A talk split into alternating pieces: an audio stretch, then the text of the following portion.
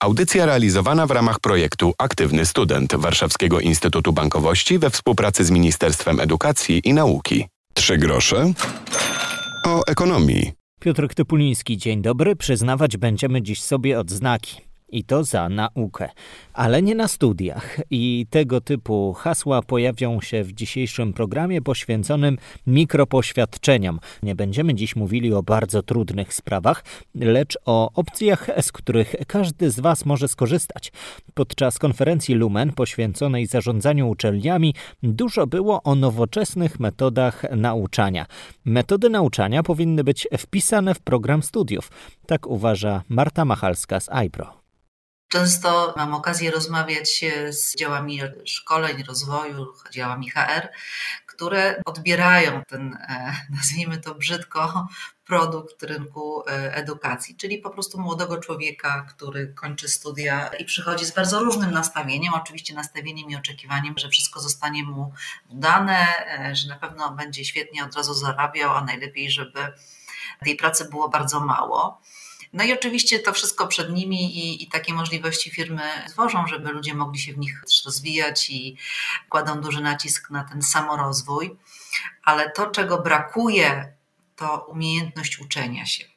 I rzeczywiście to jest taka bolączka, która potem pokutuje już całe dorosłe życie. Zawsze musieliśmy się uczyć, powinniśmy się uczyć. Niektórzy mają taką naturalną potrzebę, inni bardziej do tego muszą się przygotować albo znaleźć w sobie taką motywację, albo pomóc należy im w szukaniu tej motywacji, ale kluczowa jest umiejętność uczenia się. I co to oznacza? No, oznacza to moim zdaniem spore wyzwanie, szczególnie dla tego ostatniego etapu formalnego uczenia się, czyli studiów czy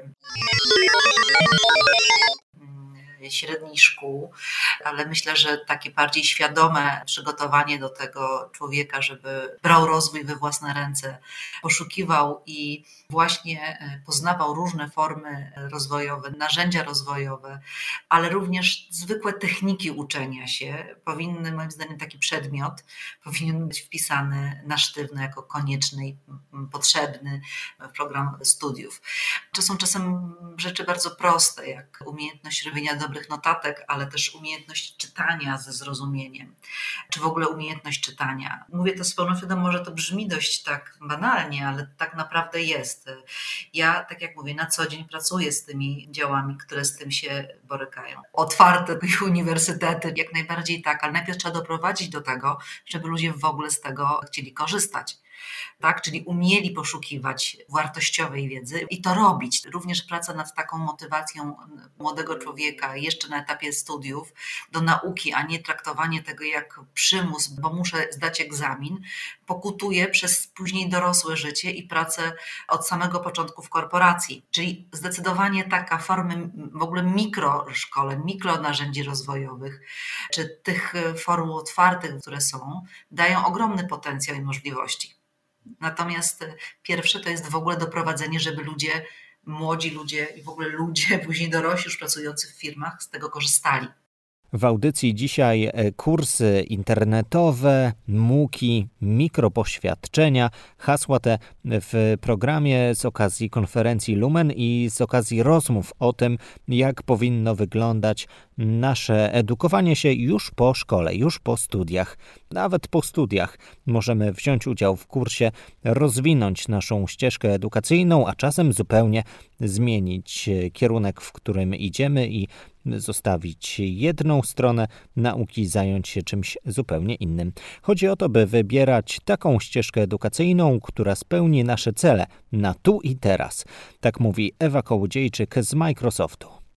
Według mnie jedna rzecz, która bardzo wyróżnia microcredentials i decyduje o, o, e, decyduje o konkurencyjności rynkowej, to jest to, że one rzeczywiście dają gotowość do pracy. I ta gotowość do pracy okazało się, że jest bardzo dzisiaj wysoko oceniana przez różne podmioty, w których mikropoświadczenia znajdują uznanie. Oczywiście rynek, obszar, który najczęściej powołuje się na to, że poszukuje pracowników, z, jeżeli chodzi o posiadanie mikropoświadczeń, no to jest na pewno ta branża opieki zdrowotnej, gdzie 72% wnioskodawców z poświadczeniami zdobyło pracę. Jedna rzecz się w ogóle nie zmieniła. Czy będziemy mówili o wykształceniu z dyplomem, ze stopniem naukowym, czy bez.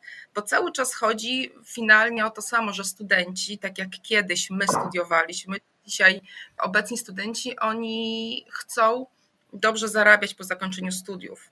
Natomiast my, poststudenci, którzy się uczymy w ramach studiów podyplomowych, oczywiście chcemy dalej rozwijać swoje umiejętności, chociażby dlatego, że te, które na dzisiaj mamy, w związku z dynamicznym rozwojem rynku, są często niewystarczające, co na przykład pandemia nam bardzo jasno pokazała. W 2020 roku zainwestowaliśmy ogromną pulę pieniędzy na przeszkolenie 25 milionów ludzi, którzy na przykład stracili pracę z powodu pandemii, albo dla kobiet, które były pokrzywdzone na rynku pracy, czy dla społeczności mniejszościowych. No to wszystko właśnie się zadziało za pomocą mikropoświadczeń. Ponieważ mikropoświadczenia mogą być wydawane przez podmioty publiczne albo podmioty prywatne, mogą być proste bądź łatwe do zdobycia, dłuższe dłuższe bądź krótsze, to one wszystkie, żeby gwarantowały jakość, one muszą zostać ustandaryzowane. I ta standaryzacja będzie musiała przebiec bardzo szybko i tutaj My jako kraj się do tego też bardzo podejrzewam, że będziemy zobligowani z uwagi na naszą obecność w Unii Europejskiej. Do 2025 roku ma powstać European Education Area, która wprost wskazuje jako jedność działań, czyli mikropoświadczenia, które mają bardzo silną pozycję i będą musiały się pojawiać jako działania w ramach polityki społecznej, polityki pracy czy polityki edukacyjnej. Także odwrotu od tego nie ma, natomiast my powinniśmy się mądrze przygotować do tego i wspierać wszystkich pracodawców, którzy takie mikropoświadczenia chcą wykorzystywać. Jak mówi Tomasz Jankowski z Wyższej Szkoły Bankowej w Poznaniu, przed wyzwaniami stoją różne branże.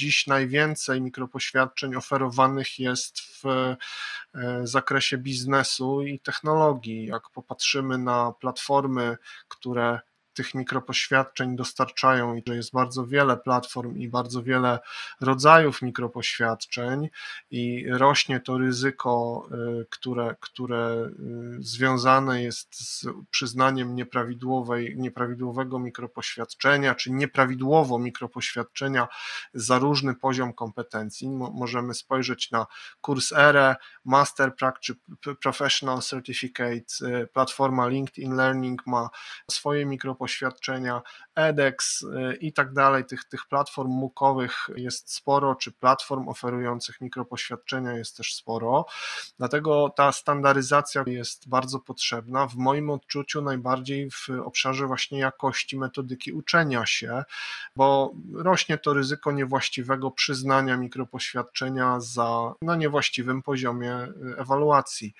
Są również kierunki studiów w powiązaniu z biznesem i one mają w moim odczuciu głęboki sens, jeśli znowu mikropoświadczenia mogłyby stanowić o, o wartości, która byłaby uniwersalna, a nie tylko wartością y, byłoby ukończenie takiego kierunku studiów pod określoną organizację, bo dzisiaj bardzo wiele tego typu kierunków studiów powstaje we współpracy z określoną organizacją, w której pracę na określonym stanowisku wykonuje się w określony sposób, a transfer tego stanowiska do innej organizacji w oparciu o te same mikropoświadczenia już może być problematyczne, bo tam pracę wykonuje się w inny sposób. Dlatego to wymagałoby również e, pewnego ujednolicenia.